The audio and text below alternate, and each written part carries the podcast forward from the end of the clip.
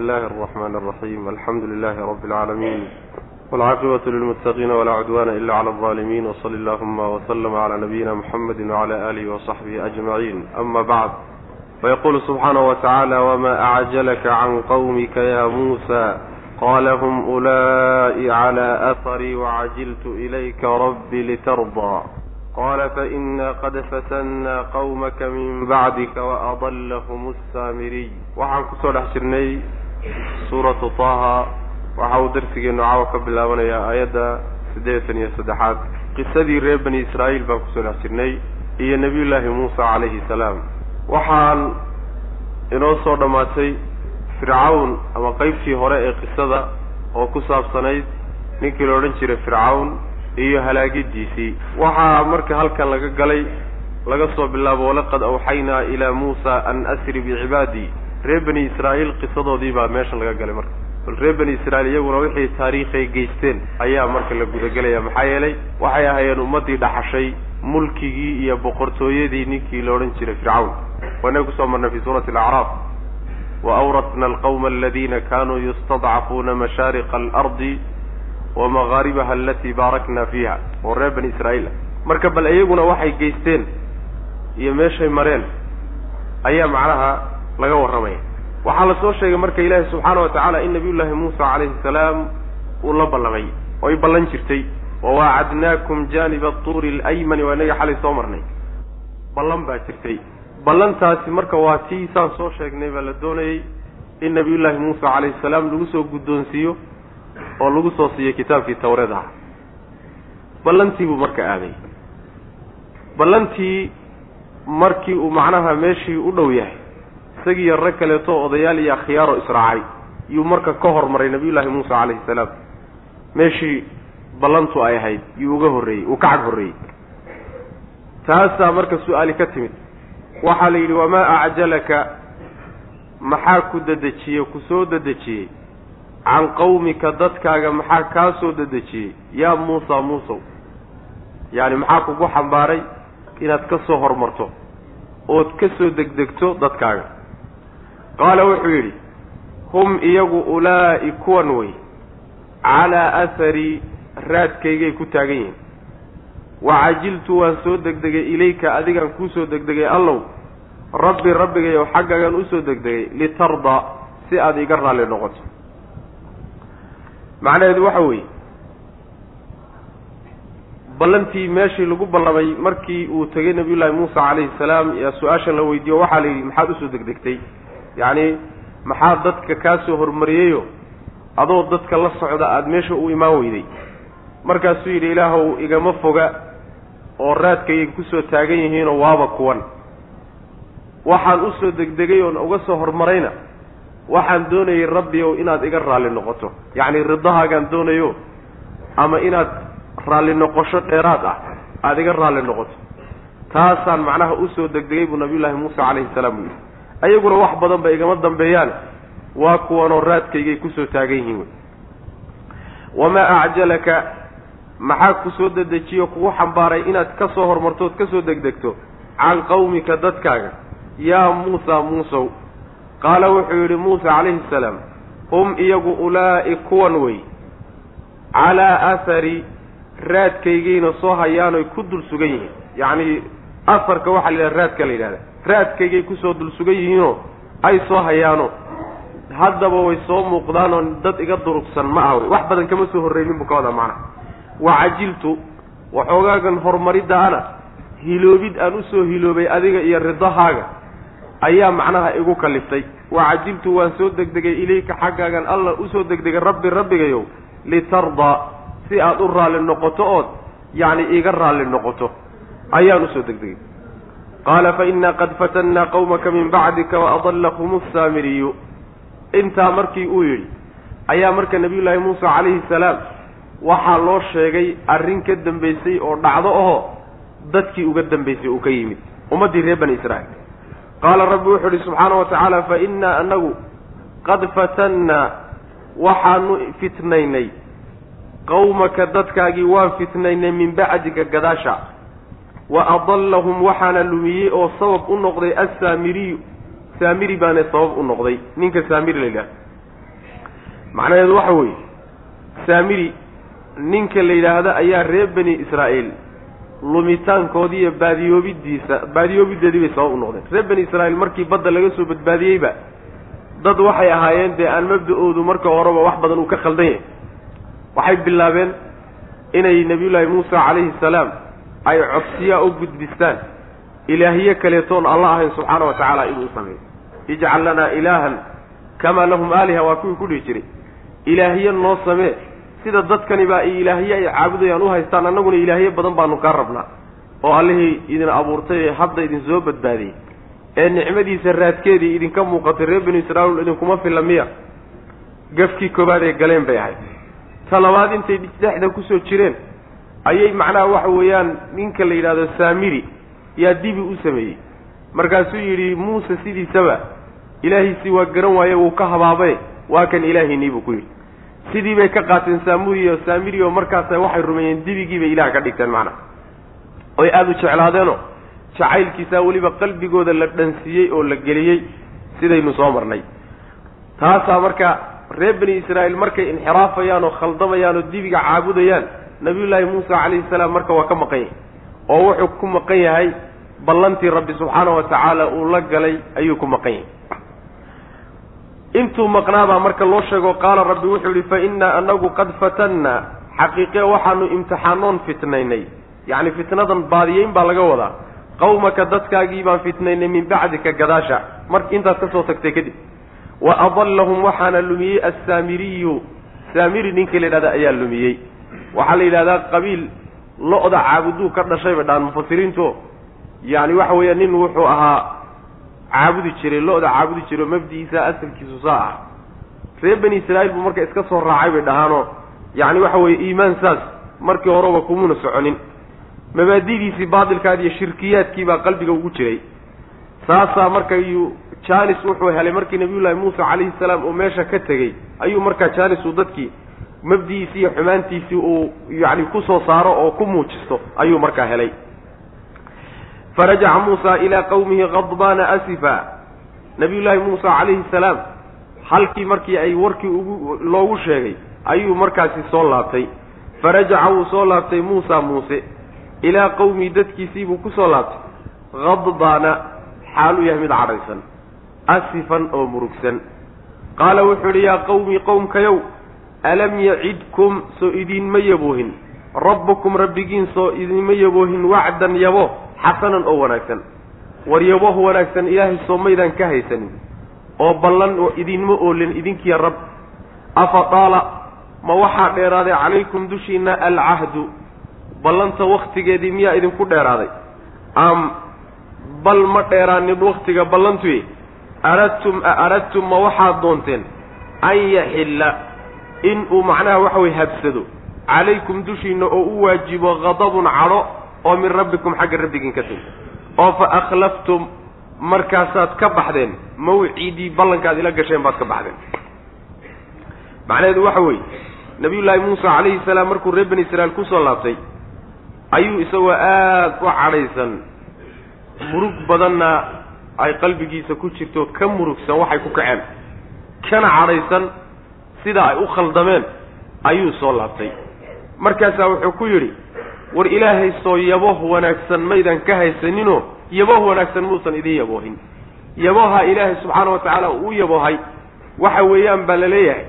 Waa yaboohii ahaa nabiyullaahi muusa calayhi salaam in kitaabkii towreed ahaa la soo siinayo. Reer bani israa'iilna kitaabkaasi loogu talagalay. Kitaabkaasaan loo yaboohayo nabiyullaahi muusa uu ugu maqnaa calayhi salaam marka yabooha qiimaha leh war dhaqan wanaagsan iyo kitaab qiimo wanaagsan ilaahay inuu idiin soo dejinahayo iisoo dhiibahayo ballantaasi soo ma jirin oo ilaahay ballantaa wanaagsan idiinma qaadin macnaha wacdiga xasanka ah sidaa waa la dhihi karaa. Mufasiriinta qaar waxay leeyihiin wacdiga xasanka waxa weeye ee ilaahay uu u qaaday ballanta macnaha waxa weeyaan yaboha wanaagsani waxay leeyihiin jannada ayuu u ballan qaaday hadday yacni waxa weeye ku toosnaadaan dhaqanka rabbi subxaana wa tacaala. Taasi waa suurtagal. Guul iyo wax wanaagsan buu u ballan qaaday oo yabohu noocaasu ana waa la dhihi karaa. Laakiin yaboha qur'aanka ku soo arooray waa midkaa kitaabka lagu siinaya nabiyullaahi muusa calayhi salaam isagaa in lagu daaya fiican hadalkii marka canaanta ahaa iyo eedayntii baa weli uu sii wadaayo wuxuu ku yidhi war ma ballantii ilaahay idinla galay baa waktigeedii idinku dheeraaday. Oo ballanta haddii wakti dheer ka soo wareego muddo ka soo wareegto in la halmaamay u badanta. Ma muddadii ilaahay idinla ballamin baa muddo dheer idinku noqotayo? Ballantii sidaasay qalbigiinna uga baxdood u halmaanteen miya? Sidaa ma ahee ballanta wakti dheer kama soo wareegine? Waxaad uun doonteen. Ma waxaad doonteen in ilaahay cadhatiisa ay idinku habsato idinku waajibto macnaha waxa weeye iyagu cadho ilaahay ha idinku dhacdo ujeeddo amaynan dibiga u caabudine laakiin ficilkoodiibaa sababku keenayey ficilkoodiibaa sabab u ahaa cadhada ilaahay subxaana wa tacaala. Sidii iyagoo u qastay baa laga dhigaya marka. Sidii iyagoo doonay oo u qastay ilahay cadhadiisu inay ku degto. Ma cadho ilaahay baa marka inay idinku degtaad doorateen ood macnaha doonteen sidaas daraaddeed baad marka ballantaydii aad ila gasheen uga baxdeen miya. Oo ballantay la galeen waxay ahayd inay macnaha waxa weeyaan ay wixii uu kaga tegey iyo mabdi'ii saxde uu kaga tegey inay sii haysanayaan intuu uga soo laabanayo saasuu kaga tegay nabiyullaahi muusa calayhi salaam. Farajaca wuu soo laabtay muusa nabiyullaahi muusa calayhi salaam wuu soo laabtay ilaa qawmihi dadkiisii buu ku soo laabtay. Hadbaana isagoo aada u cadhaysan xaalu ya mid cadhaysan. Asifan asafka waxaa la yidhahdaa cadhada aada u daran waa la yidhahdaa. Ciilka macnaha. Asifka waxaa kaloo la yidhahdaa macnaha murugtana waa la yidhahdaa iyo walbahaarka labadaba waa la dhihi karaa. Isagoo aada u walbahaarsan oo cadhaysan ayuu soo laabtay. Qaala marka wuxuu yidhi yaa qawmi tolkayow war dadkaygiiyow alam cidkum soo idinma yoboohin rabbukum rabbigiin? Wacdan yabo xasanan oo wanaagsan oo in kitaab xaggiisa uu idinka soo dejinaya aada u qiimo badan. War yabohaasi soo maydaan haynin afadaala maxaad yaboohii uga baxdeen ood ballantii u jebiseen afadaala ma waxaa dheeraaday calaykum dushiina alcahdu ballanta waktigeedii miyaa idinku dheeraaday oo muddaa ka soo wareegto saasaad ku halmaanteen miya. Am bal arrinku saa ma ahee muddo kama soo wareegine? Aradtum a aradtum ma waxaad doonteen an yaxilla inuu dego calaykum dushiinna. Inuu waajibo dhe. Calaykum dushiinna oy ku habsato. Hadabun calo cadho oo min rabbikum xagga rabbigiin ka timi yacni waxaad la timaadeen ayaa waxay keenaysaa inay cadho ilaahay idinku dhacdo. Oo fa akhlaftum markaasaad ka baxdeen mawcidii ballankaygii baad ka baxdeen. Ballankaad ii qaadeen oo ahaa inaad sii hagaagsanaanayso sii toosnaanaysaan oo sii fiicnaanaysaan ayaad macnaha ka baxdeen. Qaluu ma akhlafna mawcidaka bimalkina walakina xumilna awsaara min ziinati alqawmi faqadafnaha fakadalika alqa asaamiriyu waxoogaa marka cudurdaar bay muujinayaan. Waxay ka cudur daaranayaan wixii ku dhacay. Wixii meesha ka dhacay bay doonayaan waxoogaa cudurdaar baarid ah yacni waxa wey waa cudurdaar aan cudurdaar ahayn. Ayay doonayaan inay ka bixiyaan waxay sameeyeen. Qaaluu waxay dhaheen maa akhlafnaa maanaan ka bixin mawciidaka ballankaagii bimalkina awoodtaana ah iyo khiyaarkaana a maanaan kaga bixin. Walaakinaa xumilnaa waxaase naloo xambaariyey. Awsaaran culaysyo ayaa naloo xambaariyey oo min ziinati alqawmi dadka quruxdoodii ah nimankii qibdhiyiinta ah waxay isku qurxin jireen. Culaysyo ka mid ah ayaa naloo xambaariyey. Faqadafnaaha quraxyadii iyo awsaartii culaysyadii aanu wadnay baanu tuurnay. Dabkii baanu ku tuurnay. Fakadalika sidaan annagu u tuurnay oo kaleeta alqaa waxaa tuuray isaguna asaamiriyu. Saamirina isaguna sidoo kale u tuuray. Fa akhraja markaasuu soo saaray. Lahum iyaga wuxuu u soo saaray cijlan dibi jasadan oo jidh ah ama jasadan cijlan dibi u soo saaray jasadan jidh buu u soo saaray. Dibigaasoo lahu isagaa u sugnaatay khuwaarun bunaaxi. Yacni waxa weeye lo-da cideedaa la yidhahda fa qaaluu waxay yidhahdeen haadaa wa yani saamiri iyo intii raacday baa waxay yidhahdeen haadaa midkani ilaahukum waa kii aada caabudi lahaydeen wey. Macbuudkiinii wey. Wa ilaahu muusa muusena ilaahiisii wey. Fa nasiya muuse se wuu habaabayoo ilaahiisii meeshuu joogu garan waayo meel kale u doonay. Sidaasuu yidhi macna. Macnaha waxay ku cudur daarteen. Yacni arrintani arrinna lagu qasbay bay ahayd. Ee arrin annagu khiyaarkanaga aanu ku qaadanay awoodtaana iyo yani waxa weye aan ku yeelnay ma ahayn bay yidhahdeen macnaha waa macnaha waa cudurdaar aan faa'iido lahayn oon macno lahayn. Saamiri ninka la yidhaahdo waxbuu qurxiyey. Ayaguna wixii qurxiyey inbay ku raaceene niman inta macnaha dubban loo qaatay wax lagu qasbay maynan ahayn. Ee waa cudurdaar macnaha waxa weeye midka la yidhahdo macnaha waxa weye waa macaadiir baarida luqada carabiga la yidhahdo waxay yidhahdeen marka awood taannaa iyo tabar taannaa iyo doorasho taannaa amaanaan ku yeeline waxaana lagu xambaaray bay dheen oo dushana laga saaray culaysyo oo dadkii aanu ka nimid ee qibdhiyiinta ah waxay isku qurxin jireen. Ah waxaa la sheegaa markay soo ambabaxayeen habeenkii subaxdii markay soo guurayeen habeenkii ayaa waxay ka soo caariyeysteen oy ka soo qaateen. Qoysaskii qibdhiyiinta ahaayee fircown macnaha waxa weeye dadkiisa ahaa yaa waxay ka soo amahadeen jinjimo iyo waxyaalaha laysku qurxiyo iyo iyagoo markaa ku odhanaya maaragtay waxaanu leenahay munaasabad. Sidaasay uga soo caariyeysteen.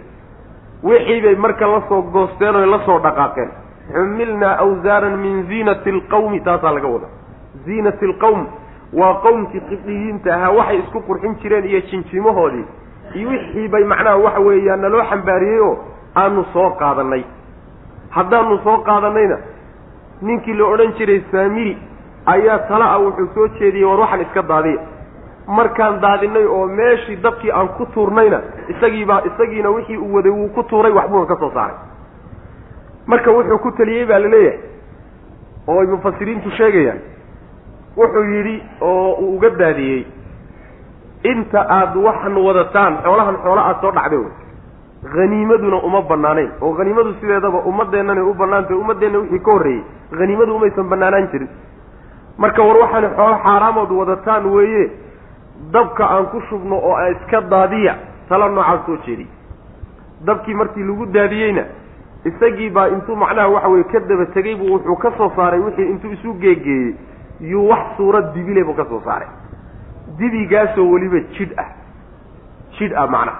Oo sida lo-da oo kale u ciyaya cidii luda lo-doo kale iyo bunaaxigeedii oo kale leh. Markuu dibigaa soo saarayna wuxuu yidhi war ilaahiinii waak reer bani israa'iilow muusahan habaabay ee ilaahiisa meel kale u raadiyeyna ilaahiisii waaka laakiin waa habaabay ama ma ahe wuxuu halmaamay inuu idiin sheego ilaahiinu inuu kan yahay muuse yacni waxa weeyaan wax ka dhegaysanina saasuu leey marka waxaa la leeyahay dibiga markuu intuu isu geegeeyey dahabkii iyo wax ay wadeen iyo xulludii xullidii markuu isu geeyey oo uu dhalaaliyey yuu markaa wuxuu ka sameeyey wax suura dibile.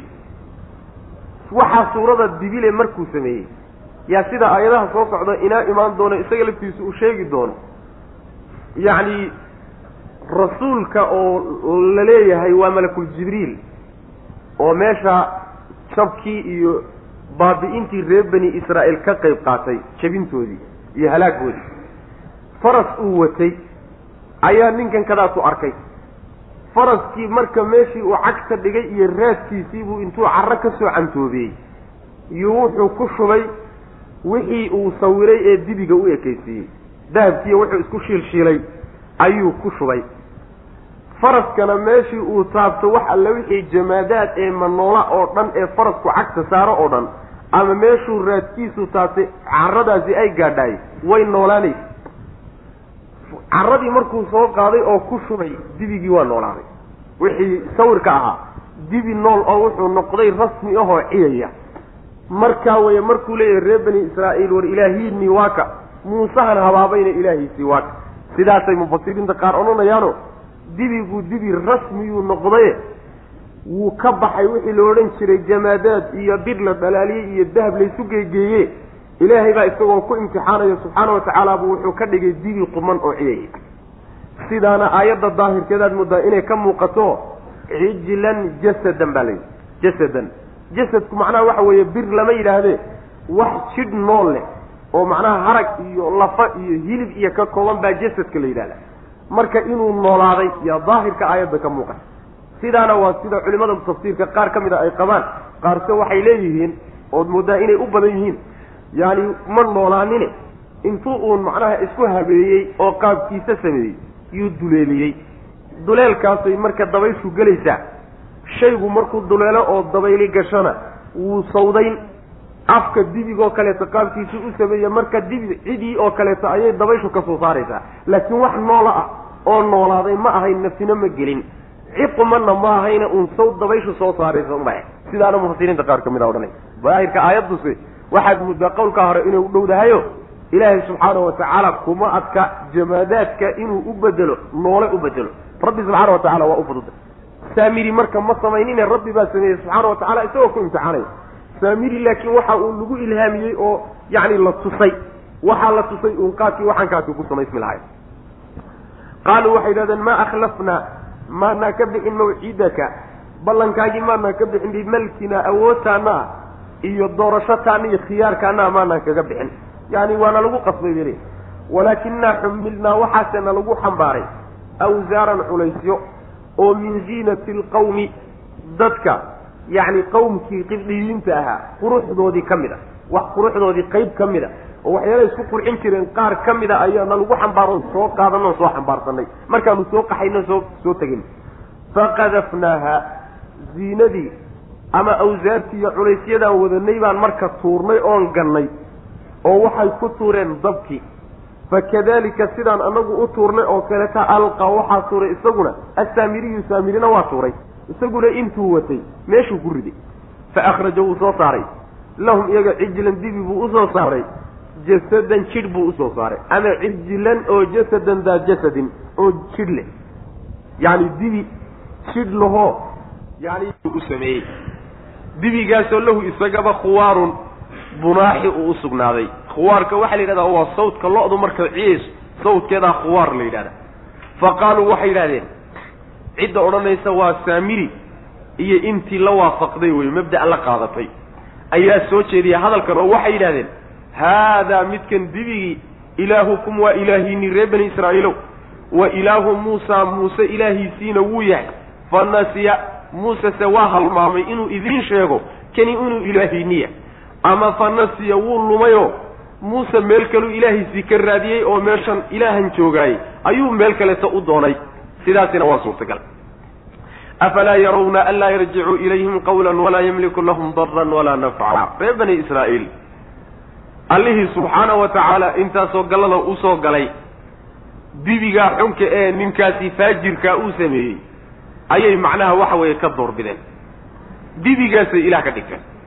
Taas waa marka la yaab loo waxaa la leeyahay afalaa yarawna miyaynan arkaynin anlaa yarjicu inuusan soo celinaynin dibigu ilayhim xaggooda qawlan wax hadal oo walaa yamliku inuusan hanan karin lahum iyaga daran wax dhib ah walaa nafcan iyo wax faa'iidaatoon manaafacaatoon. Sidaas way macnaha macnaha waxaa la leeyahay ilaaha waa kuwa ka dhigtay oo ku qancay fikraddiisaa midi soo jeediyey oo inuu ilaah yahaye war wuxuu ilaah aqoon daranaa ma ilaah baan jawaabi karin miyaynan arag didigan meesha joogaayay hadday si kasta ula hadlaan inuusan u jawaabi karin wax dhib iyo dheeftoonoo uu hanan karo ama u keeni karo ama ka celin karana inaysan jirin see buu ilaah ku noqon karaa waxani meesha iska yaalaay war nimanku ilaah aqoon daranaa baa laleeyahy macna. Yacni ibni aadamka sidiisaba caqligiisa iyo garaadkiisu hadduu fasaado wax walbuu aqbali karaa. Wax walba oo lala yaabo wuu aqbali karaa.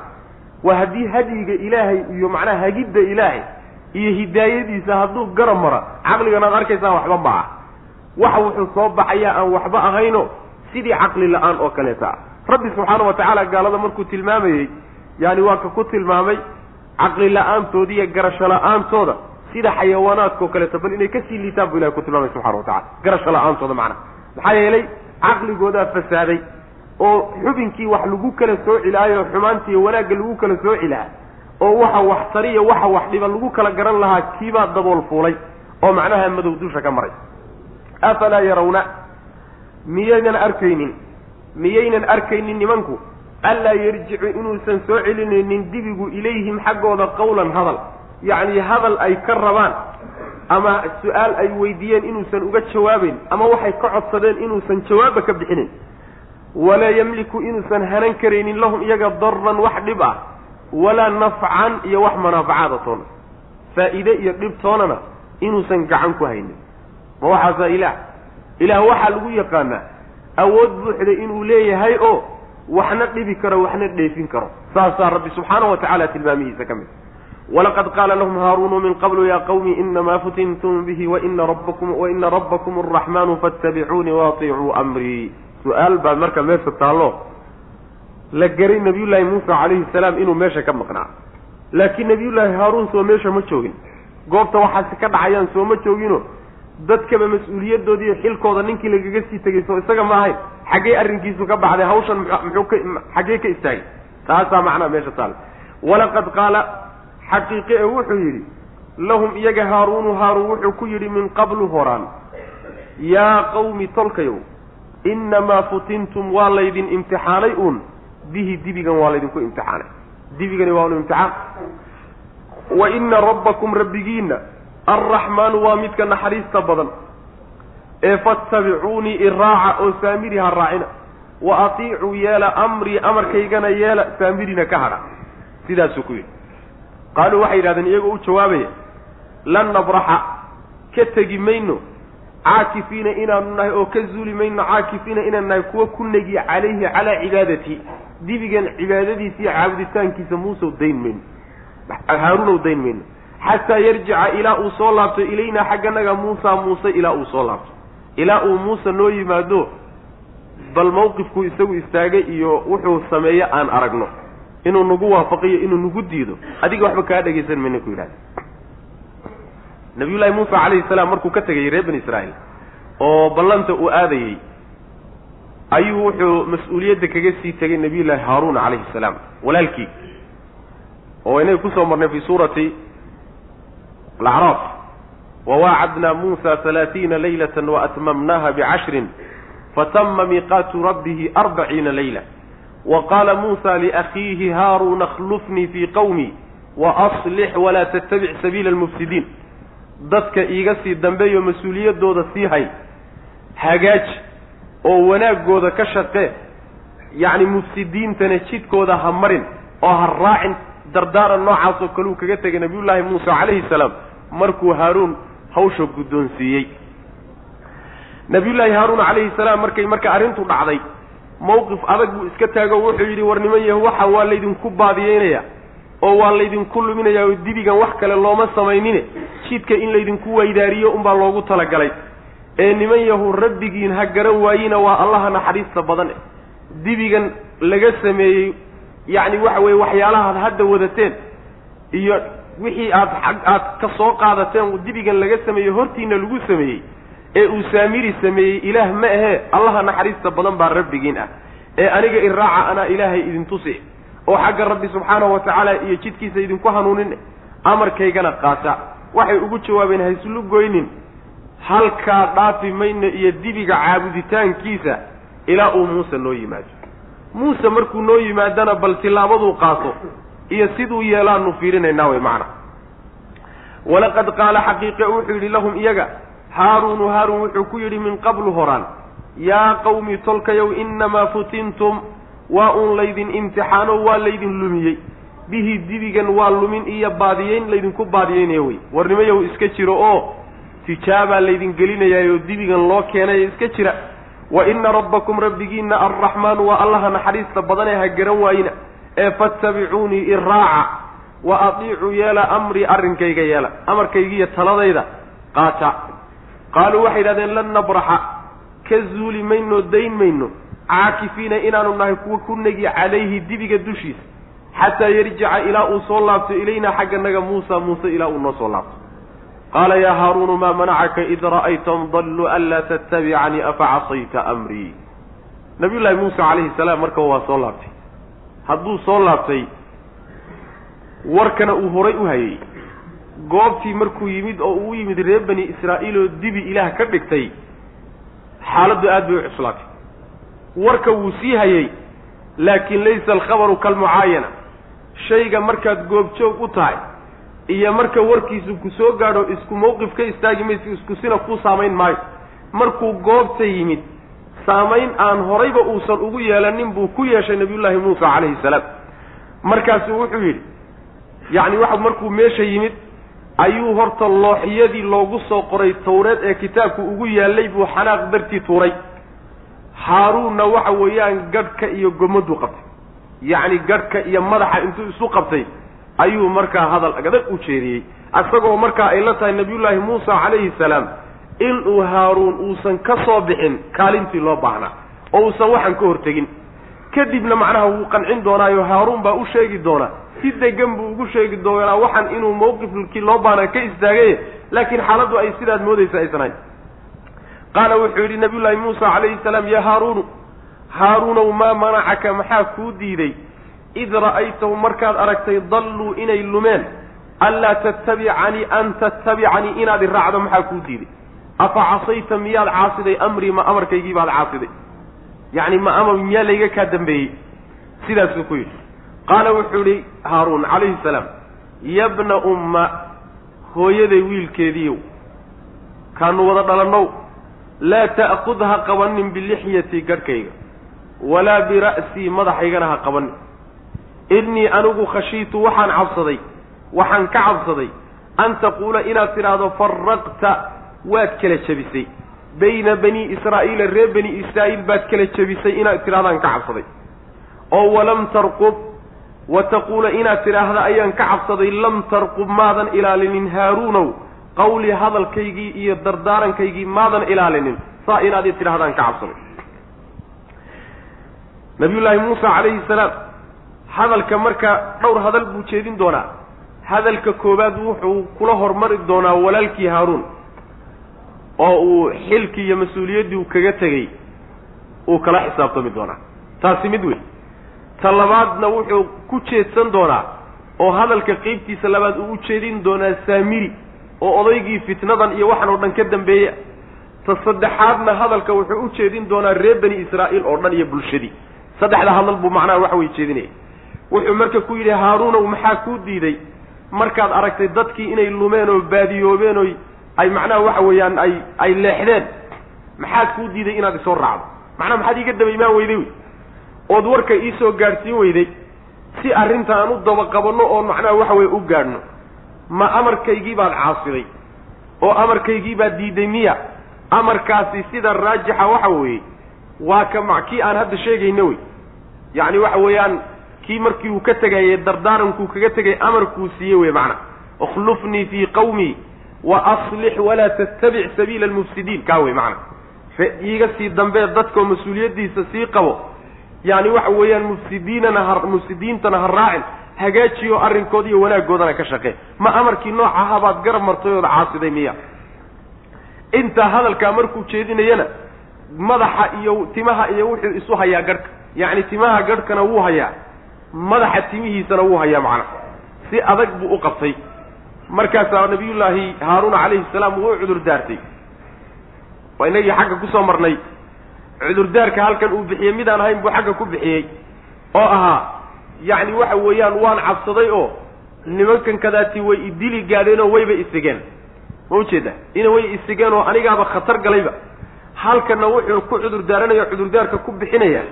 Waxaan ka cabsaday haddii aan kaa daba imaado oo anigiyo inta i rumaysay intaanu soo dhaqaaqno aanu kaa daba nimaadno berrita inaad kawaanka isaartood maxkamadayso aad tidhaahdo reer bani israa'iil kala jabkan adaa mas'uulka mas'uuliyaddeeda lahaa.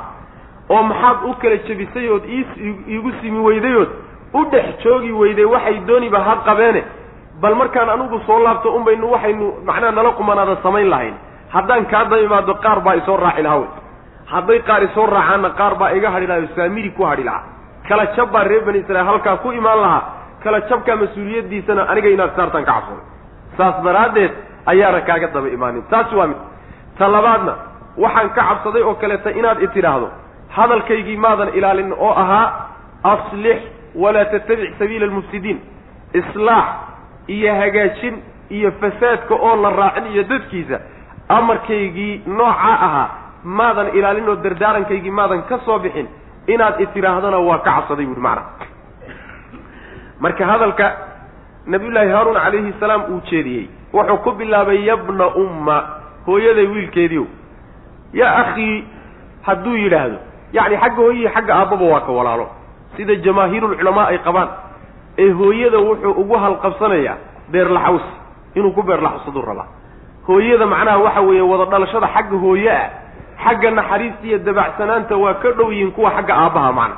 Sidaa daraaddeed buu yabna umma uu ku beerlaxawsanaya qaala wuxuu uhi yaa haaruunu haaruunow maa manacaka? Maxaa kuu diiday? Id ra'aytahum markaad aragtay reer bani israa'iil dalluu inay lumeen. Anlaa tattabicanii an tattabicanii inaad isoo raacdo maxaa kuu diiday? Laadu waa siliya tawkiid ama zaa'ida dheh afa casayta ma waxaad caasiday amrii amarkaygii aan kaaga tegey een kugu ogaa miyaad caasiday qaala wuxuu uhi yabna umma hooyaday wiilkeediiow laa ta'kud ha qabanin bilixyati garhkayga walaa bira'sii madaxaygana ha qabanin. Yacni waxa weeyaan wixii loo baahnaayo waan sameeye arrintanna waxba ulama hadhine eed aanan lahayn ha isaarinoo garhkayga iyo madaxayga sii daaway innii anigu khashiistu waan cabsaday an taquula inaad tidhahdo maxaad ii soo raaci weyday bahayd soo maa jawaabteedu waata waxaan kuu soo raaci waayey innii khashiitu waxaan ka cabsaday an taquula inaad tidhaahdo faraqta waxaad kala geysay ood kala jebisay bayna bani israa'iila reer bani israa'iil baad kala jebisay oo qaarna ku raaceen qaarna saamiri la hadhay walam tarqub wa an taquula inaad tidhaahda ayaan ka cabsaday lam tarqub ma aadan ilaalinin. Haaruunow qawlii hadalkaygii iyo dardaarankaygii maadan ilaalinin inaad itidhaahdana waa ka cabsaday. Sidaan macnaha waxa weeyaan waa tafsiir qaala famaa khaطbuka ya saamiriyu? Qaala basurtu bima lam yabsuruu bihi faqabadtu qabdatan min athari rasuul. Nabiy llaahi muusa calayhi salaam markuu ogaaday marka inuusan nabiy llaahi haaruun uusan eed lahayn tilaabadii loo baahnaana inuu qaatay. Ayuu markaa sidaan ku soo marnay fi suurati alacraaf ayuu markaa ilaahay subxaana wa tacaala baryey ilaahw ii dembi dhaaf oo walaalkay u dembi dhaaf halkaasuu markaas baryada ka galay macnaha uu macnaha walaalkii xataa maaragtay uu ilaahay subxaana wa tacala u baryaya hadalkaasi marka wuxuu ahaa hadalkii uu ujeediyey nabiyullaahi haaruun calayhi salaam. Eeddu maxaa yeelay marka koobaad waxay qabanaysaa dadka mas'uuliyiinta ah iyo dadka culimada ah iyo dadka madaxdaa bay marka koobaad mas'uuliyaddu qabataa. Marka labaadna dadka mufsidiinta ee fasaadkan kowga ka ah kuwaasaa macnaha lagu jeesanaya qaala wuxuu yidhi nabiyullaahi muusa calayhi salaam famaa khatbuka xaalkaagu muxuu yahay yaa saamiriyu saamiriyo saamiriyow maxaa waxaan kuu geeyeyo bal xaalkaaga ka warran qaala wuxuu yidhi saamiri basurtu waxaan arkay. Bimaa shay ayaan arkay lam yabsuruu aysan arkin reer bani israa'iil bihi isaga. Waxaynan garanin baan gartayoo waxaan u muuqanin baa ii muuqday. Fa qabadtu markaasaan cantoobiyey. Qabdatan cantoobin ayaan min athari rasuuli rasuulkii raadkiisa rasuulkii raadkiisa ayaan cantoobo carra-a ka qaaday. Fa nabadtuha cantoobadii baan marka ku saydhay oon ku firdhiyey. Wa kadalika sidaasoo kaleeto qurxintaasoo kaleeta sawalat waxaa qurxisay lii aniga nafsii naftaydu saasay ii qurxisay. Macnaheedu waxa weeye sidii uu waxaan ku sameeyey buu marka ka hadlay. War waxaan maxaa kuu geeyey baa la yidhi oo bal iska warran. Wuxuu yidhi reer bani israa'iil waxaan u muuqanin baa ii muuqday. Waxa u muuqday waa malakul jibriil iyo faraskiisii. Sidaasay jumhuurta mufasiriintu marayaan. Faraskii malagga ayaa ii muuqday oo rasuulka isagu ka wada. Markaasaan raadkiisii iyo meeshuu lugaha dhigayey ee uu ku ordayey ayaan carro ka cantoobiyey. Cantoobadii carrada ahaydna waxaan ku firdhiyey oo aan ku saydhay dibigii aan sameeyey sidaasuu dibi ku noqday naftaydaana arrinkaa ii qurxisay saasuu yidhi. Hadde wixii kaleetana meesha waa ku jiraan qaabkii waxani uu ku aasaasay unbuu sheegee kadibna reer bani israa'iil baa idhi ilaahini waa kana caabuda. Sidaas wey taasi waa iska macluum. Qaala wuxuu idhi famaa khatbuka? Xaalkaagu muxuu yahay yaa saamiriyu saamiriyo arrinkaagu iyo xaalkood xaalkaagu muxuu yahay. Qaala wuxuu ihi basurtu waxaan arkay. Bimaa shay ayaan arkay lam yabsuruu aysan arag bihi isaga waxaan la iila jeedin oon keligay uun arkaayey ayaan arkay buui faqabadtu markaasaan cantoobiyey qabdatan cantoobo oo carro ah. Min athari rasuuli min athari farasi rasuul. Rasuulka kii la soo diray oo malakuljibriil ah. Kii la soo diray oo malakuljibriil ah faraskiisii raadkiisii ayaan carro ka cantoobiyey wey qabdatan cantoobo ayaan cantoobiyey carro ah. Min athari farasi rasuuli rasuulkii la soo diray faraskiisa raadkiisii ayaan carro ka cantoobiyey fa nabadtuhaa cantoobadii carrada ahayd baan marka waxaan ku firdhiyey fil cijli dibiga dhexdiisa dibigaan marka ku dhex saydhay carradii. Sidaasuu marka ku noolaadayo uu macnaha waxa weeyaan ku bunaaxiyey oo markaasi uu ku noqday wax jasad iyo jidhla uu ku noqday. Waa haddii qowlkaas mufasiriinta qaarkood marayaan la mare. Wakadalika sidaasoo kale ayay sawalad qurxisay lii aniga nafsii naftayda sidaasay ii qurxisay.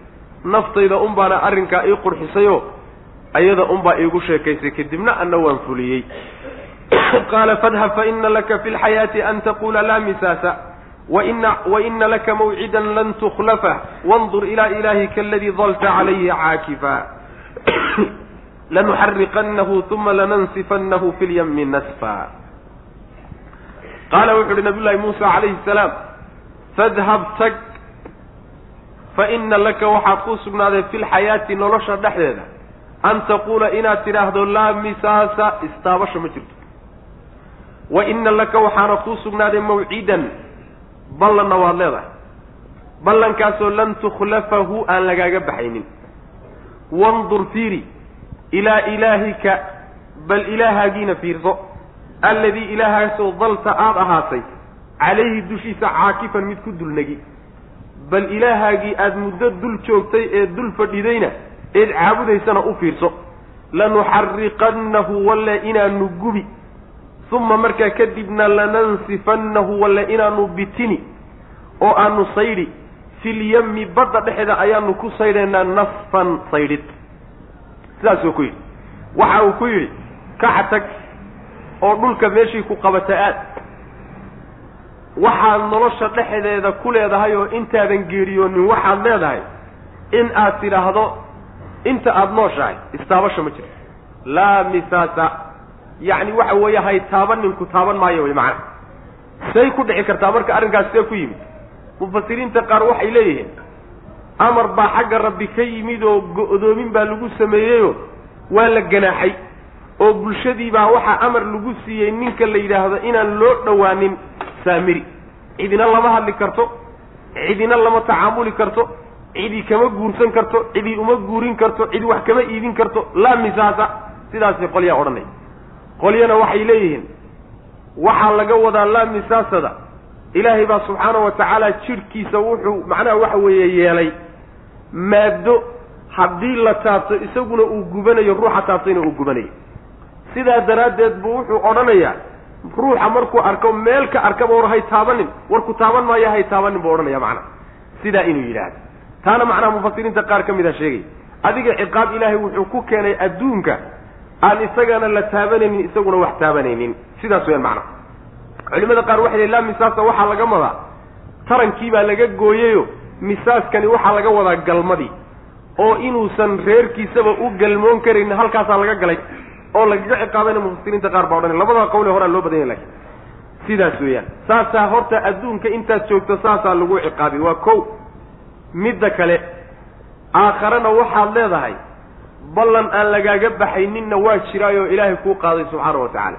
Yacni waa aakharo iyo ciqaabta loogu talagalay in la ciqaabo. Wey waxaad tacab aheed samaysay iyo waxaad ilaaha moodayna bal waxaanu ku fi ku samayno soo fiiri buuri bal u fiirsa sidaanu ku samayno waxaad ilaaha ka dhiganayseed muddo dul taagnaydeed yacni waxa weeyaan wax moodaysay bal waxaanu ku samayno u fiirsa buuri walle waanu gubi buu yidhi. Markaanu gubnana sidii bus isagoo oo kaleta macnaha waxa weeyaan yaanu saydhaynaayo badda biyaheeda ayaanu ku bitinaynaa oonu kusi ku saydhaynaa macna. Ilaahaaguna sidaasuu ku dambayni waxaanaad ilaaha ka dhigatay. Adigana ciqaabta adduunee kuu taalla waa midda ta aakhare ku sugaysana waa ballan aan lagaaga baxayni wey. Sidaasuu ku yihi nabiyullaahi muuse calayhi salaam. Maxaa yeedhay ummad dhan buu macnaha sabab u noqday inay baadiyoobaan. Oo ilaahay ka go'aan subxaana wa tacaala oo shirkiyaad iyo khuraafaad iyo inxiraafaad qaataan ayuu macnaha sabab u noqday. Intaas uu baadiyeeyey buu marka dembigooda xambaarsan yahy nafsigii baa marka ku soo degdegay oo ciqaabtii baa adduunka ku qabatay aakharaba intaan la gaadhin. Qaala wuxuu yihi nabiyullaahi muusa calayhi salaam fadhab tag meeshay ku qabata adduunka ka aad wey fa ina laka waxaa kuu sugnaaday fi lxayaati nolosha dhexdeeda an taquula inaad tidhaahdo laa misaasa istaabasha ma jirto hay taaban ninku taaban maaye oo cidina ay ku taaban weydna ada aadan cidna taaban karin ciqaab noocaasa inuu ilaahay kugu soo dejiyo wa ina laka waxaa kuu sugnaaday mawcidan yaboh iyo ballanna waad leedahay yabohaasoo lan tukhlafahu aan lagaaga baxaynin yaboh oo ciqaab lagugu yaboohay iyo ilaahay inuu aakhare ku cadaabayo oon lagaaga baxayninna waa jira wandur fiiri ilaa ilaahika bal ilaahaagiina u fiirso alladii ilaahaasoo dalta ilaah ma aha xaqiiqi eh siduu isagu sheegtay isagu ilaah u yahay. Ilaa ilaahika bal ilaahaagii fiiri alladii midkaasoo dalta aada ahaatay calayhi dushiisa caakifan mid ku dulnegi midkaad middo dul taagnaydeed wax ka doonayseed ka baryayseed ilaaha ka dhiganaysayne bal u fiirso lanuxarriqannahu walla inaanu gubi oo gubi uma markaa kadibna lanansifannahu intaanu riiqno. Marka la gubo ayaa dambaskiisii iyo wixii ka soo hadhay ee burbur ahaa ayaa markaasi nasfi lagu samaynaya nasfiga riiqidda waa la yidhahdaa bitintana waa la yidhahdaa. Yacni waxa weeyaan waa inoo imaan doonta insha allahu tacala shayga marka intaad qaaddo carrada uu yahay ama boodhka yahay ee dabaysha raacisee saa u saydhaan nasfiga la yidhahda uma markaa kadibna lanansifannahu waanu bitinaynaa oo waanu saydi filyami badda dhexeedaanu ku saydi nasfan saydhin isagoo macnaha burburoo la riiqay. Innamaa ilaahukum. Bal ilaahaguna meeshu ku dambeeya u waxba iska celin waa inuu adiga wax ku daro iska daayay adigiina ku khasaartay isagiina meeshaasuu maanta yaallaa wey macna. Waxaad ilaha ka dhigan. Innamaa ilaahukum reer bani israiil ba hadda ku jeesaday nabiy llahi muusa calayhi salaam. Innamaa ilaahukum war wixiina nacasyaho nacasyada ohow ilaahiinu allahu alla wey alladii midkaasoo laa ilaaha mid xaq lagu caabudo uusan jirin ilaa huwa isaga mooyaane wasica wuxuu u waasac noqday kulla shayin wax walba cilman xagga cilmiga. Yacni aqoon ahaan iyo garasho ahaanna wax walbuu ilaahay ku koobay subxaana wa tacala cilmigiisa waxba kama baxsana. Reer bani israa'iilow waxaan dibigan aada ilaah moodeen ilaah ma ahee?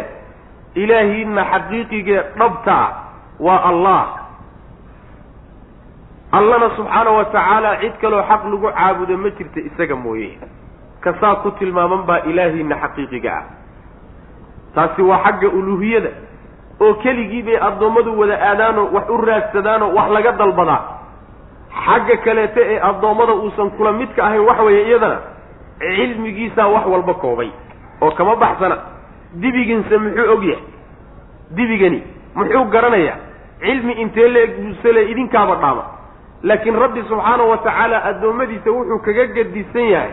Cilmi buuxana waa leeyahay awood buuxdana waa leeyahay uluuhiye buuxdana wuu leeyahay oon lala wadaagin. Kaasoo kaleetaa marka ilaah xaqiiqada dhabta ilaaha dhabta kaa uwey macna mid labeeya ma jiro. Innamaa ilaahukum macbuudkiinu xaqihi allahu alla wey alladii allahaasoo laa ilaaha mid xaq lagu caabudo uusan jirin ilaa huwa isaga mooyaane. Wasica wuu qaaday kulla shayin wax walba ayuu qaaday cilman cilmi ahaan buu ku qaaday yacni wuu u waasac noqday wuu qaadayo cilmigiisa ayaa ashyaada iyo macluumaadka oo dhan wada qaaday oo ay soo wada hoosgelayaanoo wax ka baxaya ma jira wey macna cilmiga ilaahay inuu ballaadhan yahay meel badan baynu ku soo marnay meelo badanna waa uu tegi doonaa oo wax makhluuqaadkiisa ka mida ama ha yaraada ama ha weynaadee oo rabbi ka qarsoon subxaanahu wa tacaala ma uu jiro. Kadalika naqusu calayka min anba'i ma qad sabaqa waqad aataynaaka min ladunna dikraa nebigaa marka salawatullahi waslamu aleyh lala hadlaya kadalika sidaasoo kale qisadaasaan kuugu sheegnay oo kale ayaanu naqusu sheegaynaa calayka dushaada min anbaa'i maa shay wararkii qaarkood baanu kuu sheegi shaygaasoo qad sabaqa hormaray waxyaalihii hormaray yaanu wararkoodii qaar ka mida kuu sheegaynaa sidaan tanba kuugu sheegnay. Waqad aataynaaka waxaanu ku siinay. Min ladunnaa agtannada xaal uu ka ahaaday dikran digrina waan ku siinay. Digri xagga naga ka yimidna waa ku siinay oo qur'aankaa laga wadaa. Man acrada ruuxii jeedsada canhu qur'aanka xaggiisa fa innahu isaga yaxmilu wuxuu xambaari yowma alqiyaamati maalinta qiyaamada. Ayuu wiisiran culays xambaari doona dembi culus ayuu xambaari khaalidiina xaalay ku waarayaan fiihi dembigaa culus bay ku dhex waari doonaan.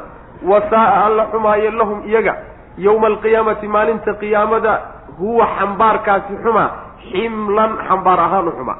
Waxa ay xambaarsadeen iyo xambaarkoodaa culusi alla maalinta qiyaamada xumaa oo muxuu aada u liitaa wey macana qisadii nabiyullaahi muusa calayhi salaam iyo reer bani israa'iil halkaasaa lagaga soo baxay. Tacliiq baa marka la gelaya yacni waa la soo gebagabeeyeyo. Nabiyullaahi muusa calayhi salaam inuu haaruunna la hadlay saamirina la hadlay reer bani israa'iilla la hadlo allihii xaqiiqiga ah iyo macbuudkoodii dhabtaa uu baray sidaasaa lagu gebagabeeyey. Qisadoodu marka way dheer tahay fii suurati alacraafna waa innaga iyadoo aada u faahfaahsan ku soo marnay suwar kale oo suuraddu suuratulqasas ay ugu dheeraan doontana insha allahu tacala qisadooda waa ugu tegi doonaa reer bani israiil halkaasaa marka lagu soo afjaray ujeeddadii marka qisada laga lahaa ilan qisada ujeeddaa laga leeyahay oo darsi baa laga qaadan oo cilmi baa laga qaadan iyo camal labadaba taasaa marka la galayo nebigaa salawatullahi wasalaamu calayhi lagu jeedsado waxaa la yidhi waxaanu kuu sheegaynaa sidaan qisadaasi kuugu sheegnayba waxyaalo horay u dhacay baanu wararkoodii qaar ka mida kuu sheegaynaa. Imise shay oo horay u dhacay oo taariikhdu ay qortay wax badanna diiwaanada taariikhda ayna kuba jirinba ayaa nebigeenna salawatullahi wasalaamu caleyh ilahay u sheegay subxana wa tacala dhacdooyinkii hore ee ummadihii hore ka dhacay ama ku dhacay. Waxaanu ku siinay buu alla leeyahy subxaana wa tacaala nebigiisa ku leeyahay dikri baanu ku siinay. Dikrigu kitaabka qur'aanka laga wada. Dikri weeyaano ilaahay wuxuu ku sheegay subxaana wa tacaala wax walboo loo baahan yahay. Saas dikri waa loogu magacaabaa. Dikri weeyaano addoommada ayuu ilaahooda xusuusinayaa iyo waxa wanaagsan oo caqli celin buu ku samaynayaa. Dikri weeyaano sharaf wey wa inahu ladikrun laka waliqawmika wasawfa tus'aluun. Sharaf buu u yahay. Bulshada iyo ummadda islaamkaana sharaf buu u yahay. Intaasoo iyo in ka badanba dikri way xambaarsan tahay. Saasaa loogu maca dikriga marka qur'aankaa laga wada qur'aankaasaanu kugu soo dejinnay ciddii marka ka jeesata oo barashadiisa ka jeesata ku dhaqankiisa iyo qaadashadiisa ka jeesata maalinta qiyaamada wuxuu xambaarsan doonaa culays. Isagoo culays dembi culus xambaarsan ayuu imaan doonaa. Dembigaa culus wixii ka dhashay oo naar ah ayay ku waari doonaan. Dembigii baa la cabiray. Waxa ka dhalanayaa laga wadaa oo macnaha naartii dhexdeeday ku waari doonaan. Xambaarkaa ay soo xambaarseen dembigaa culus ay xambaarsadeen ayaana xumaaday oo fool xun saasuu ilahi subxaana wa tacala ku tilmaamaya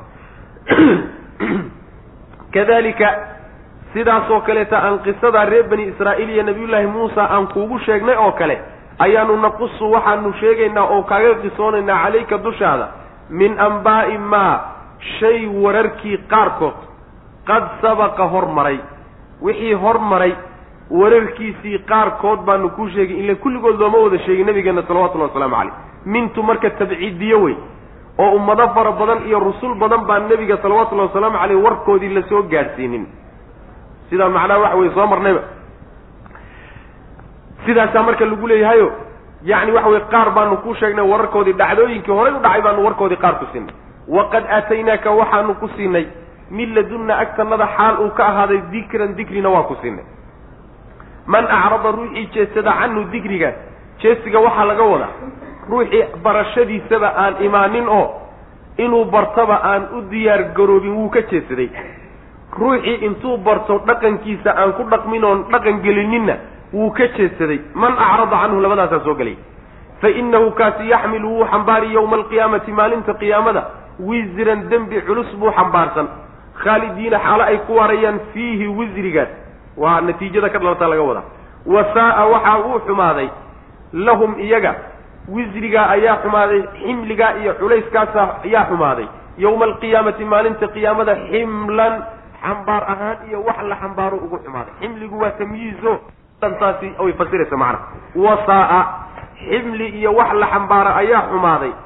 Lahum iyaga yowma alqiyaamati maalinta qiyaamada ximlan xambaaris ahaan buu ugu xumaaday wey macana wax la xambaaro ugu xumaaday.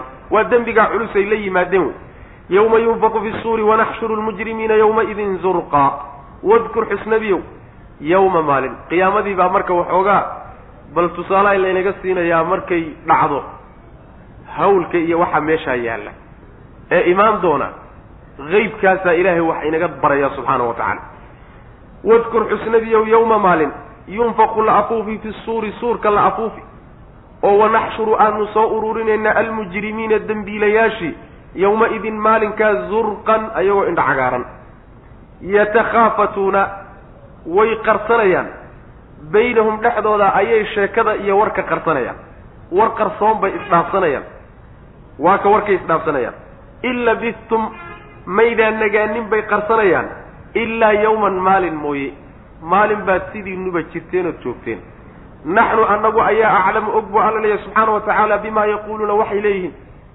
id wakti baanu ognahay yaquulu uu leeyahay amhaluhum kooda ugu fiican dariiqatan xagga jidka kooda ugu caqli roon ee ugu xusuus roon marka uu leeyahay in labistum maydaan nagaanin ilaa in labistum ilaa cashran bay tii hore maydaan nagaanin ilaa toban mooyaane ayay siraysanayaanoo isku macnaha waxa isku qarsanayaan.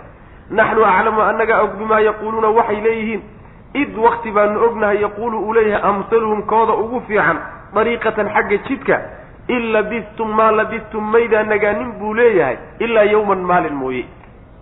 Macnaheedu waxa weeye qiyaamada marka suurka la afuufo oo buunka la afuufo suurku waa laba suur saan soo sheegnayba midi waa midka adduunka lagu gebagabaynayo lagu khatimayo oo noolaha oo dhan inta markaa nool nafta lagaga qaadayo ayib. Midka labaadna waa ka lagu soo kaakacayo addoommadu ay ku soo baxayaan. Kaa dambaad moodaa in laga wado marka suurkii ayaa la afuufay. Markii suurka la afuufo maalinka la afuufaay oo buunka la afuufo maalinkaasi waxaa la soo kulminayaa in alle intii dembiile ahaa oo dhan. In nin alle ninkii dembi weyn la yimid oo gaalnima ugu weyn tahay ayaa maalinkaa la keeni. Ayagoo oo astaan iyo tilmaan lagu yaqaano leh. Tilmaanta lagu yaqaanaayo waa zurqa cuyuun waay midabka noocaas ay leeyihiin bay yidhahdaan macnaha waxa weeyaan macnaha zurqiga waxaa la yidhahdaa waa midabka cagaarka xiga wey midab cagaar maxdiya aan ahayn. Cagaar barxlaa meehe waa cagaar uu midab kale ku dheehan yahay weye macna cagaar xigen wey ayagoo midabkaale bay imaanayaanoo indhahoodu midabkaa leeyihiin. Oo waxaa waa astaan lagu garanayo sida dadka muslimiinta iyo mu'miniintaba astaan lagu garto ay meesha ugu imaanayaan. Yaa iyagana astaamo lagu yaqaanay meesha ku imaanayaan. Astaamahay ku imaanayaan marka waxa weeyaan zaraaqatu lacyun indhahooda ayaa macnaha waxa weeye cagaaroobay. Markaasay sheeko qarsoon bay ku sheekaysanayaan oo isdhaafsanayaan ayagoo isku qarsanaya. Waxay leeyihiin ma aydan sidiinaba nagaanin ilaa toban mooye. Toban habeen baad joogteen. Toban habeen. Xaggee way meeshay joogeen. Waxaa suurtagala inay leeyihiin adduunka intaan soo joognayba waa toban habeen. Ama waxaa suurtagala qabrigaba waxaan ku jirnay toban habeen. Ama waxaa suurtagal ah suurkii hore intii la afuufay iyo ka dambe inta la afuufay intaan joognay waa toban habeen wey intaba waa suurtagal.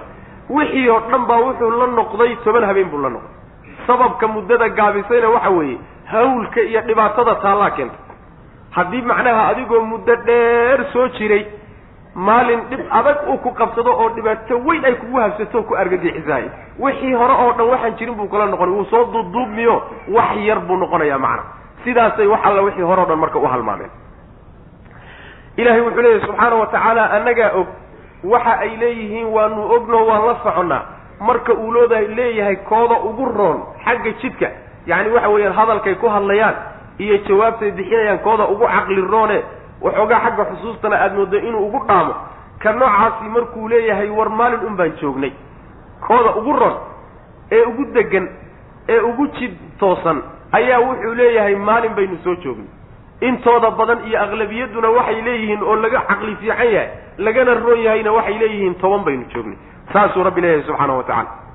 Marka waa wax sidaasoo adduunyadana aad arkaysaane macnaha aan ku imtixaanan nahay ee lugaha iyo gacmaha iyo maskaxdiiyo meel walba ina haysata ee inala hadhay waa wax sidaas oo kale taawe maalinka aad dhaafto unbaa wax alla waxaad soo martay siddeetan sano iyo boqol sano haddaad noolayd oo boqolka sanaba aada barwaaqo ku jirtay waxaan jirin bay kuu noqon.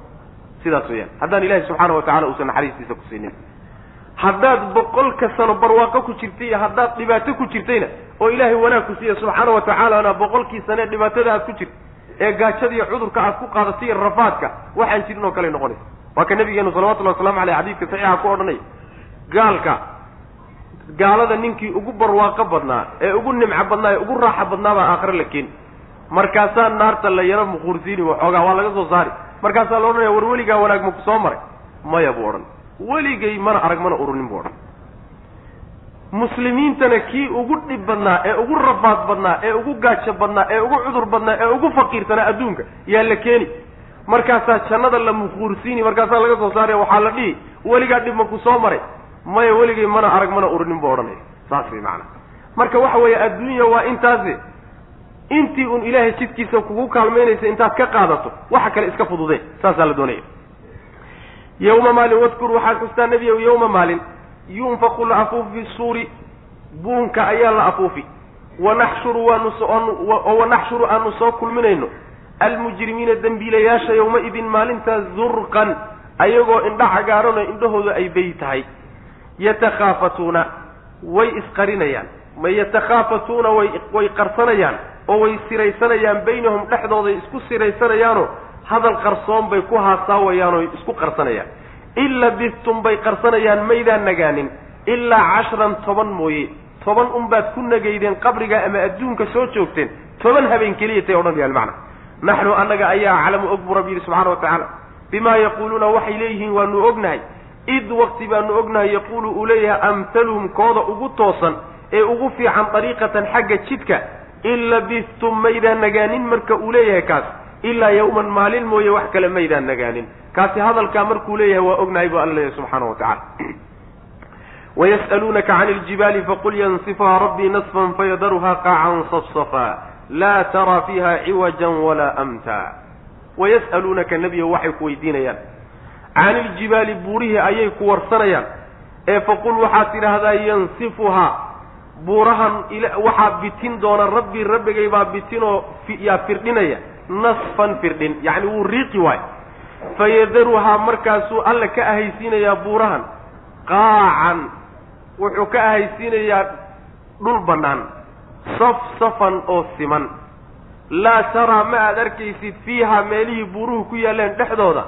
Ciwajan wax qalloocoo hoos u qalloocsan arki maysa walaa amtan wax taag ana ku arki maysa saasay leeyihi alla subxana wa tacala uu leeyay yacni waa la weydiiyey oo nabigaa la weydiiyey salawatullahi wasalaamu calayh waxaa la yidhi adduunkan marka la gebagabaynayo oo ilaahay subxaana wa tacaala uu rabo inuu kharibo buurahan waaweyn xaggee la geyn doonaa baa la yidhi tii baa marka qur'aanku cabiro waxaa la yidhi buurahay ku warsanayaan sida la yeelaye waxaad tidhahdaa buurahan horta waa la riiqiyo waa la isku jejebin markii la isku jejebiyena boor duula ayaa laga dhigiyo iyagoo dhanba la bitiyo.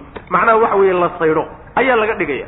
Meeshay ku fadhiyeenna iyo dhulkay ku yaalleenna waxaa laga dhigayaa dhul aan dushiisa waxba saarnayn oo waxba dushii dushiisa ku oolin. Oo haddana siman oo sibsib ah. Siman oo sibsib ah ayaa laga dhigaya macna.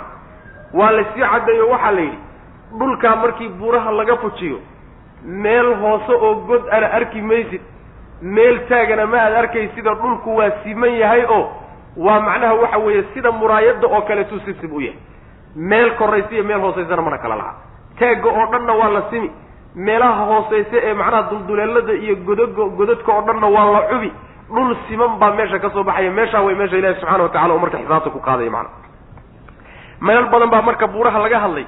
Yacni fa dukkataa dakkatan waaxida waa la isku jejebin oo jejebintu waa jirtaa nasfigaa waa laga dhigiyo yacni boodhkaa bidaya waa laga dhigaya. Waxaa kaleeto ilaahay subxaana wa tacaala uu cabiray in ay noqonayaan sidii suuf lafta laga bixi oo kaleeto. Buurahan culayskooda arkayso ee dhulka isu dheelitirahaya ee cuslaynayahay maalinkaa waxay noqonayaan suuf lafta laga bixi oo kaleetay fudaydkooda noqonayaan. Sida ilaahay subxaana wa tacaala uu baabiinaya macana wayas'aluunaka waxay ku weydiinayaan nebi o cani iljibaali buurihii bay ku weydiinayaan ee faqul waxaad tidhahdaa yansifuha waxaa riiqi oo bitinaya. Rabbii rabbigay nasfan riiqid allah riiqi oo markaa wax la saydho ayaaba laga dhigi. Fayadaruhaa markaasuu alla wuxuu ka ahaysiinayaa. Qaacan darada darada markii laga dhigo tii bimacnaa sayro ahayd wey. Ama fayadaruhaa wuu ka tegi. Qaacan xaalay fayadaruhaa alla wuxuu ka ahaysiinayaa. Haadaasi waxay u noqonaysaa buurihii ma ahee. Buurihii lagama dhigayo meel simane. Buuruhu meeshay ku yaalleen fayadaruha yadaru mawaadica aljibaal. Buuraha meeshay ku fadhiyeen baa wuxuu ka dhigayaa qaacan dhul bannaan. Safsafan oo haddana siman. Yacni labada kelimo. Macnaha waa loo kala bedelaa labada macnobana way ku yimaadaan luqada carabiga. Qaaca waxaa la yidhahdaa waa dhulka siman wax dushiisa ku yaallana uusan jirin. Safsafkana waxaa la yidhahdaa waa dhulka siman ee haddana macnaha waxa weeye lugtu ka simbirraxanaysa ee sibsibka ah. Marka waxay dhulku kulansaday horta wuu siman yahay oo ma kala hooseeyo mana kala sarreeyo. Waa marka labaadee wax dushiisa saaran ma jirto. Waa marka saddexaadee waa dhul simbirraxo ahoo isaga oo dhan sibsib ah macnaha. Intaaba wuu kulansaday. Laa taraa ma aad arkaysid fiiha dhulka dhexdiisa. Ciwajan wax qallooca meel qalloocdo hoos u qalloocdo god a arki maysa walaa amtan meel taagana arki maysa. Taagoo dhanna waa la simi godadkoo dhanna waa la buuxinaya dhulka saasaa loo simi marka. Yawmaidin yattabicuuna adaaciya laa ciwaja lah wakhashacat ilaswaatu lilraxmaani falaa tasmacu ilaa hamsa. Yowma-idin maalintaa ayay yatabicuuna raacayaan dadkii addaaciya dhawaaqaha ayay raacayaan. Yeedhaha u yeedhaya ayay raacayaan. Laa ciwaja wax qallooca ama leexashaa lahu uma sugnaanin. Yacni leexasho hadalkiisii iyo yeedhitaankiisii la daba maraayay ama laga leexdaayo ama luq laga galaayo wax jira maa wakhashacad way hogatay oo way xasishay. Al aswaatu dhawaaqyadii lilraxmaani allaha naxariista badan bay u hogatay oo kulligeed way xasisho wax hadala maqli maysid. Oo falaa tasmacu maqli maysid ilaa hamsan. Jaanqaad mooye wax kalood maqlaysa maba jira macna. Yacni addoommadii markuu dhulkii ilaahay saa u sibo subxaana wa tacaala waa meeshii xisaabta lagu qaadi lahaaye ayaa addoommadii marka qubuurta ku jiray dhulka ku jiray baa la dhahayaa soo kaakaca. Cid baa loo dira marka waa la dhawaaqayaa war soo baxaay baa yeedhaysa. Daaciga marka dadka u yeedhaya ayay kulli dadku soo wada raacaya waxadhayana ma u jiro. Daacigaa markuu dhawaaqana cidina ma leexan karto oo cid qalloocsami karto oo laab ku leexan karta ma jirto ama isduwi karto oo iska leexin karta dhawaaqiisi iyo meeshuu ka baxaya raacitaankiisa. Cidina ma gara mari karin. Laalaab ma jiro maalintaa iyada. Kulli macnaha waxa weeye sab baa la gelayaayo. Dhawaqaasaa la raacayaa iyo ciddaa dhawaaqday. Wax alla wixii sawd ahaa iyo dhawaqyadii bixi jirayna markaasi kulligood waa wada xasulloo yihiin oo way hoganayaan. Waxaba yaraatee shanqadh ood maqlaysaay ma ay jirto ilaa jaanqaad yacni waxa weeyaan lug la qaaday iyo mid la dhigay shanqadh noocaas oo kalea oo dadka socdo ee qulqulahaya mooyaane wax sawd iyo shanqadh kaleeto oo baxaysaay ma ay jirto macnaha meeshaasi meel macnaha shanqadh lagu bixin maaha saasay marka addoommadii yihiin oo waxaba yaraate ee macnaha waxa weeye hadal dallici kara ama tilaabo qaadi kareeta aan loo ogolaanin ma jirte kulligood meeshii loogu talagalay unbay qulqulayaan waxaa dareemi uun waa shanqadhaa hoosaysa ee weliba aada u hoosaysa ee jaanqaadkaa unbaa dareemaysaa wax kaleeta dareemi maysid macna. Ilan meesha waa la wada khushuucsan yahay oo waa la wada xasilloon yahay oo waa la wada hoganayaa oo nin walba talo maxaad ku dambayn doontaabaa su'aashaasaa u taagan oo wax aan la arki jirin baa meesha yaalla oo dhulkii waa isbedelay. Waxyaalo qaraaibaa addoommada hor yaalla. Cadaabkii alla subxaana wa tacaala iyo ciqaabtiisi iyo xadhadiisii waa taalla.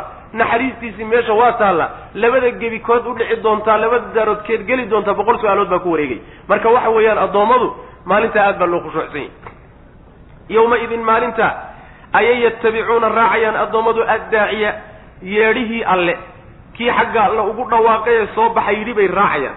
Laa ciwaja qalloocsan la qalloocsamo iyo leexasho la leexdaay lahu isaga uma sugnaanin yacni lagama leexan karo lama garab mari karo. Oo inta la soo kaakaco meeshaad doonto ma aadi kartide? Waa inaad isagii soo aaddo wa khashacad way xasishay.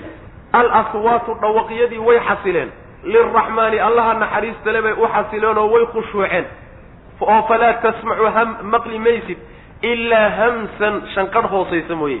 Hamsiga laba macnoba luqada carabiga waa la yidhahda alsawt alkhafiyu waa la yidhahdaa. Dhawaqa aad u hooseeyana waa la yidhaahdaa waxaa kaloo la yidhaahdaa shanqadha hoosayso oo dhanna waa la yidhahdaa. Oo macnaha ay ka mid tahay markaas jaanqaadka waa loo adeegsadaa. Macnaha waxa weeye ruuxu markuu socdo ama macnaha waxa weeye nooluhu uu socdo. Socodkana aada maqlayso dhulka aad ka dareemayso socodkiisa hamsiga waa la yidhahdaa macna. Yawma-idin maalinta laa tanfacu ma ay anfacayso ashafaacatu ergadu anfici mayso ilaa man ilaa shafaacatu man cid ergadii mooyaane adina uu u idmay lahu isaga alraxmaanu allaha naxariista le uu u idmay oo waradiya uu raalli noqday lahu isaga qawlan hadalna uu uga raalli noqday cid maalintaa ergeyn karta ma ay jirto macnaheedu waxa weeye addoommadu waa wada khushuucsan yihiin oo nin walba uu cabsanayaayo rusushiibaaba waxay taagan yihiin iyo akhyaartii ilaahay subxaana wa tacaala yaa waxayba taagan yihiin rabbi sallim sallim bay taagan yihiin maalintaa marka dadka hadda isku hallaynaya ee ku sii tashanaya hebel baa kuu ergeyn doona kuu shafaaco qaadi doona. Kuwaasaa la leeyahay waraa isku hallaynina maalinkaasi cidina ma shafaaco qaadi karto ilaa cidduu ilaahay u idmay mooyaane hadalkiisana uu raalli ka noqday. Ciddaa unbaa shafaaco qaadi. Shafaacada waxaa la yidhahdaa inaad cid kale arrinkiisa adoo wada cid aad doonaysa inuu wax ka qabto aada ugu geyso oo tidhaahda niyow min ashafci baa laga keenay oo shayga marka la xidhiidhiyo. Adigii baa socdo oo arrin cid kalaad wadaayo. Warniyow ninkanan arrintiisii erge ka ahaye bal wax ka qabo. Shafaacada saasaa la yidhahda cidina maalinkaa nin arrintii intay soo qaadday ilaahay u geyn mayso. Ilaahayow ruux hebel. Bal sida u dhaamo wax u qabo wax u tar cidina odhan mayso. Ilaa cid ilaahay subxaanahu wa tacaala uu ka raalli noqday oo uu u idmay inuu arrintaa iyadaa ku dhaqaaqo. Hadalkiisana raalli laga noqday mooyaane. Taa macnaheedu waxa weeye maalinkaa waxaa shafaaco qaadi doona ergeyn doona rususha ilaahay subxaanahu wa tacaala. Way ergeynayaan. Nebigeenna ugu horreeya salawatullahi wasalaamu caleyh oo wuxuu leeyahay ergo iyo shafaaco la yidhahda ashafaacatu alcudmaa oo cidna wadaagta aysan jirin. Rususha kale oo dhan xataa ibraahim calayhi salaam uusan macnaha waxa weeye ka cudur daaranayo boos noo noocaas oo kaleeta ayuu nebigeenu leeyahay salawatullahi wasalaamu caleyh markuu nebigu shafaaco oo khalaa'iqda oo dhan u shafaaco oo rabbi subxaanahu wa tacaala uu macnaha waxa weeyaan ka codsado in addoommada maxsharka laga dareeriyo rabbina ka aqbalo subxaanahu wa tacala kadib ayaa haddana waxaa shafeeci doona nebigu ummaddiisa u shafeeci doona haddana waa shafaaco kale. Waxaa kaloo iyaguna shafeeci doona rususha kale oo nabigeena ahnayn salawatullahi waslamu caleyh dadka saalixiinta wan wanaagsanna waa shafeecayaan laakiin shafaacadu wax hadda lagu sii talageli karo ma aha. Shafaaco hadda laislama diidane oo wadaadadan aad arkaysaan shafaaco islama diidane. Laakiin mas'alada xaq xaqiiqadee laysku haystaa waxay tahay war shafaaco hadda lagu sii talageli kara ma jirto. Oo hebel baan anigu isku hadlaynaya oo hebelow berrita adaan kugu tashanahayaayo ii shafaaco qaad oo inaad xadhig ka sii xidhataa taas weeye midda la diidan yahay wax soconayo meehe ilaahay baa subxaana wa tacaala shafaacadu gacantiisa ku jirta ninka uu ku maamuusi doono oo odhan doono hebelow shafaaco qaad la garan maayo ninka uu yahay. Nin uu raalli ka yahay ayaa horta loo shafaaco qaadayo tawxiid ku dhintay. Waa kow ka shafaaco qaadayana isaguna waa ruux muwaxid oo tawxiid ku dhintay. Ka shafaaco qaadayana shafaacadii ergada ilaahay baa ku maamuusay oo waa loo idmayoo shafaaco qaad baa layidhi hadalkiisuna raalli baa laga yahay. Waxa dhanba marka ilahay gacantiisa ku jirta subxana wa tacala ilahay u raadso. Ilahay u raadsa laakiin cid kale ha u doonanin. Macnaha la isku hayaa middaa iyadaa wey macana yawmaidin maalinka laa tanfacu ma ay anfacayso ashafaacatu ergada. Macnaha shafaacada oo la diidaayey ra'sanba ama ta nebiga ha noqoto salawatullahi wasalaamu calayhi ama kuwa kale ha noqdaane ma aha madhabu ahli sunna waljamaca bacdu ahli lbidac ayaa macnaha ku tegey oo aan cibro lahayn hadalkooda. Muctazile iyo niman noocaas oo kaleetaa ku tegey laakiin ahlu sunna waljamaca waa isku waafaqsan yihiin shafaacadu inay mashruuc tahay. Laakiin shafaacada mashruuca iyo midda macnaha waxa weeye duruqda iyo suufiyadu ay wataan waa kala tahay. Midda kitaabka iyo sunnadu ka hadleen iyo taasi farqi weyn baa udhexay yawmaidin maalintaa laa tanfacu ma ay anfacayso ashafaacatu erga anfici mayso. Ilaa man ilaa shafaacatu man cid ergadii mooyaane adina uu u idmay lahu isaga alraxmaanu allaha raxmaanu u idmay oo uu yidhi intuu soo qabtay uu yidhi shafaaco qaado erge waa in loo idmo kow oo waradiya uu raalli noqday lahu isaga qawlan hadalna uga raalli noqday. Hadalkiisana alla uu ka raalli noqday oo tawxiid iyo kelimatu tawxiid iyo islaamnimo ku soo geeriyooday wey macana ilan hadalka ilaahay raalligu uu ka yahay waa kelimatu tawxiid iyo islaamnimo wey. Hadal noocaas oo kaleeta ana la yimid. Yaclamu maa bayna aydiihim wamaa khalfahum walaa yuxiituuna bihi cilma.